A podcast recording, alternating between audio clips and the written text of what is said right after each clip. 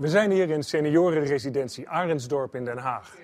En dat gaat nu dus echt gebeuren. Het kabinet, de meerderheid van de Tweede Kamer en de werkgevers zijn het erover eens. Nederland gaat sprongsgewijs de AOW-leeftijd verhogen.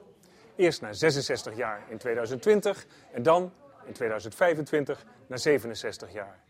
De PVV, de SP en natuurlijk de vakbeweging zijn fel tegen. En de vakbeweging heeft al acties beloofd. De huidige AOW van Drees stamt uit 1957. Die heeft de charme van de eenvoud. Het is een simpele regeling, voor iedereen gelijk, ongeacht je leeftijd of je arbeidsverleden.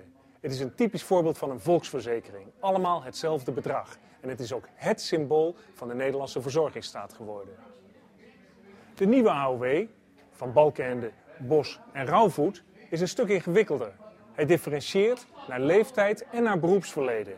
Dat gaat betekenen dat mensen straks op verschillende leeftijden verschillende bedragen aan AOW gaan krijgen.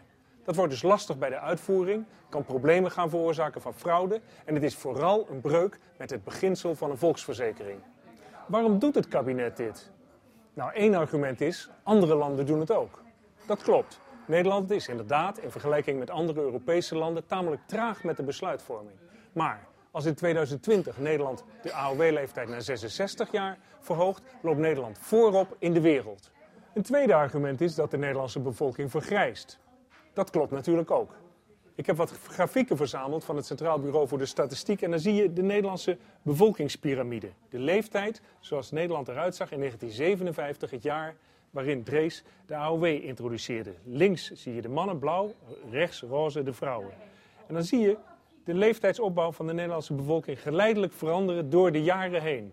Dus je ziet nu vanaf dit moment eigenlijk de naoorlogse geboortegolf eraan komen. En dat is een hele lange periode in Nederland. Die duurt eigenlijk wel tot 1965 voordat die is uitgewerkt. En hoe ziet nou de bevolkingspyramide van Nederland eruit in het jaar 2020? Dus het jaar waarin de AOW-leeftijd naar 66 jaar zal gaan.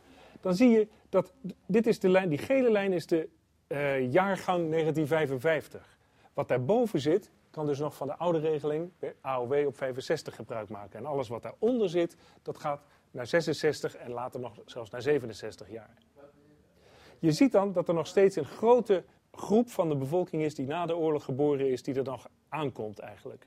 En dan zie je hier weer een kleine toename van de bevolkingsgroei en die wordt veroorzaakt door de immigratie uit de jaren 90. De conclusie is eigenlijk dat de Nederlandse bevolkingssamenstelling door de jaren heen niet zo dramatisch verslechtert als in sommige andere landen van Europa het geval is. De basis van de bevolkingspyramide blijft in Nederland in stand. Een ander argument van het kabinet is dat de kosten van de AOW de pan uitreizen. En dat klopt ook wel. Ik heb wat cijfers verzameld van het Centraal Planbureau en dan zie je inderdaad dat de AOW-uitgaven de komende 30 jaar behoorlijk omhoog gaan. Maar tegelijkertijd betalen die gepensioneerden ook meer belasting de komende jaren, omdat ze meer gespaard hebben en hogere pensioenen hebben. Dus die belastinginkomsten van 65-plussers gaan eveneens enorm omhoog. Zodat het feitelijke AOW-tekort, zeg maar het bedrag dat het verschil dus tussen de stijgende kosten van de AOW en de stijgende inkomsten van gepensioneerden omdat ze meer belasting betalen, eigenlijk constant blijft de komende 30 jaar.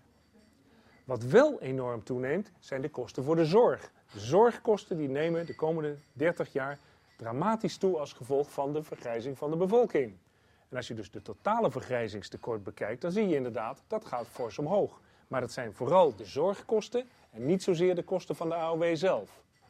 En in zekere zin heeft minister Bos dat ook wel toegegeven door te zeggen dat de verhoging van de AOW-leeftijd, die dus die 4 miljard moet opbrengen, ook nodig is om andere kosten van de vergrijzing te kunnen betalen en om de overheidsfinanciën weer op orde te brengen na de klap die die heeft gekregen door de financiële crisis. Je kunt je dus afvragen, moet je per se met de verhoging van de AOW-leeftijd beginnen? Is het een kwestie van daadkracht tonen door het kabinet? Of heeft dit iets te maken met Calvinistische arbeidsethos, allemaal langer werken? Uiteindelijk is het compromis een ingewikkelde oplossing geworden.